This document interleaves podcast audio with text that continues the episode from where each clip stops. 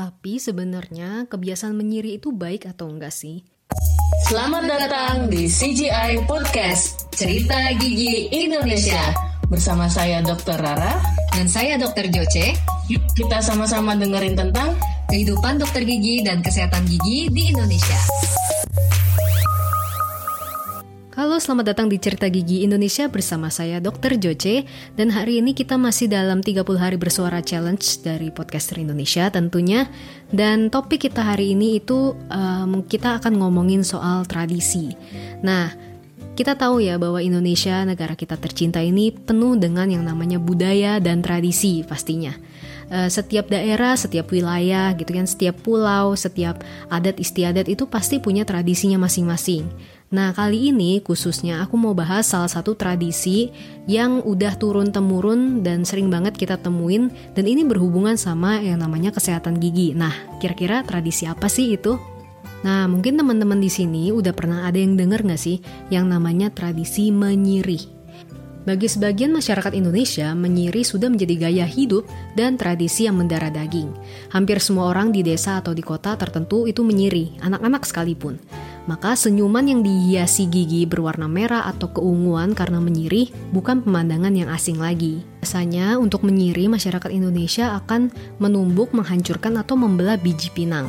Nah setelah itu biji pinang akan dilinting atau dibungkus dengan daun sirih.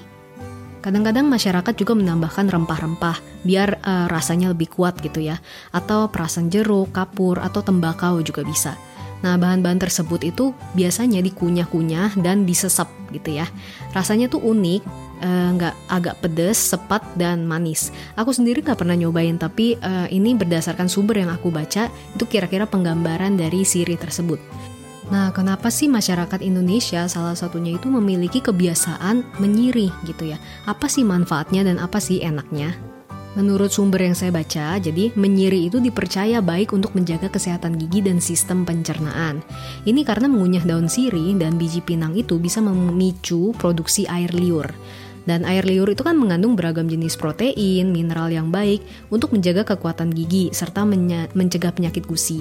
Selain itu, air liur juga senantiasa membersihkan gigi dan gusi dari sisa-sisa makanan atau kotoran yang menempel. Kalau buat sistem pencernaan sendiri, air liur itu berfungsi untuk mengikat dan melembutkan makanan.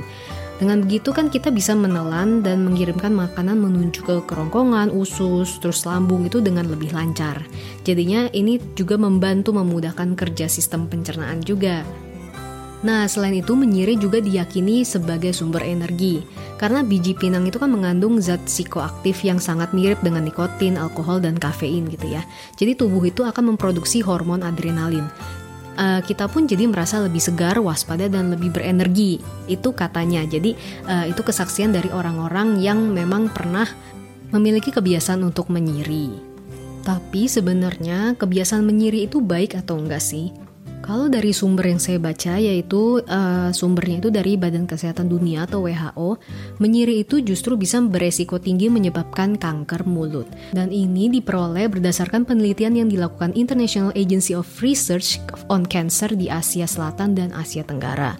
Ternyata campuran daun sirih, biji pinang, kapur, dan tembakau bersifat karsinogenik atau bisa memicu kanker. Jika dikonsumsi terlalu sering dalam waktu yang panjang gitu ya, bisa rentan mengalami kanker mulut, kanker esofagus atau kerongkongan, kanker tenggorokan, kanker laring, dan kanker pipi.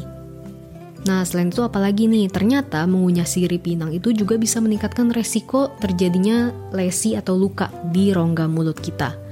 Nah, luka atau iritasi itu terbentuk karena campuran bahan-bahan menyirih tadi yang sifatnya sangat keras buat mulut. Apalagi kalau menyirihnya sudah jadi kebiasaan yang nggak bisa dihentikan ya.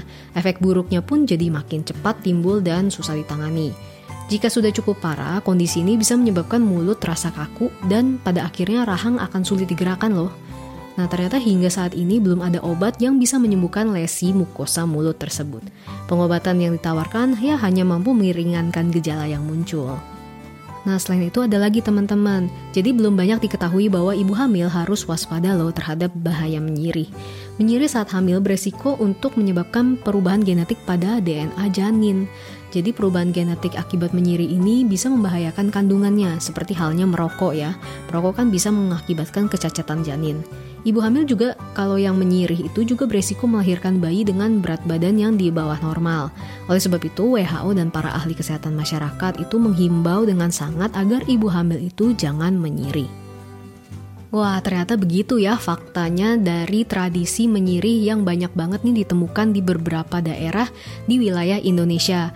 Memang tradisi itu sudah menjadi suatu kebiasaan yang mungkin agak susah ya untuk dihilangkan.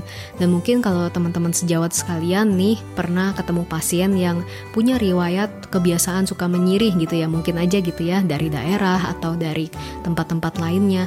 Mungkin teman-teman nantinya juga bisa mengedukasi pasiennya bahwa nanti ada efek-efek dari menyiri yang kurang baik loh untuk kesehatan gigi. Nah, ini berguna banget nih untuk teman-teman supaya bisa lebih aware sama yang namanya tradisi atau kebiasaan yang ternyata efeknya itu ada efek uh, tertentu loh, ada efek samping tertentu pada kesehatan gigi. Semoga ini merupakan salah satu uh, sumber buat teman-teman nantinya juga bisa mencari lebih lanjut lagi tradisi-tradisi lain apa sih yang ternyata punya efek loh untuk kesehatan kita secara menyeluruh. Semoga teman-teman bisa mengambil uh, ilmu juga informasi yang sangat-sangat berguna ya dari sesi kita hari ini. Jangan lupa teman-teman untuk follow Instagram kita di ceritagigi.id. Teman-teman juga boleh uh, sapa-sapa kita, teman-teman juga bisa sharing-sharing um, pengalaman kalian apakah teman-teman pernah ketemu pasien yang punya tradisi yang unik gitu ya. Jangan lupa follow Cerita Gigi Indonesia, podcast kesukaan kalian yang pastinya bisa uh, memberikan informasi yang lebih unik dan menarik tentang pergigian tentunya. Dan jangan lupa juga untuk follow Instagram kita ya. Ini uh, pembawa acaranya nih. Jadi ada Dr. Joce yaitu saya uh, Jocelyn Sintano di Instagram dan juga @rara79 Dr. Rara tentunya yang selalu nemanin saya nih pada saat kita podcast. Oke teman-teman jangan lupa untuk stay tune terus sama episode-episode selanjutnya karena episode-episode selanjutnya juga nggak akan kalah menarik pastinya. Terima kasih dan sampai jumpa. Cerita Gigi Indonesia, tempat curhat dan edukasi dari dokter gigi Indonesia kepada teman sejawat dan masyarakat umum. Kalau kamu suka podcast kami, subscribe atau follow dan share podcast ini ke teman-teman kamu.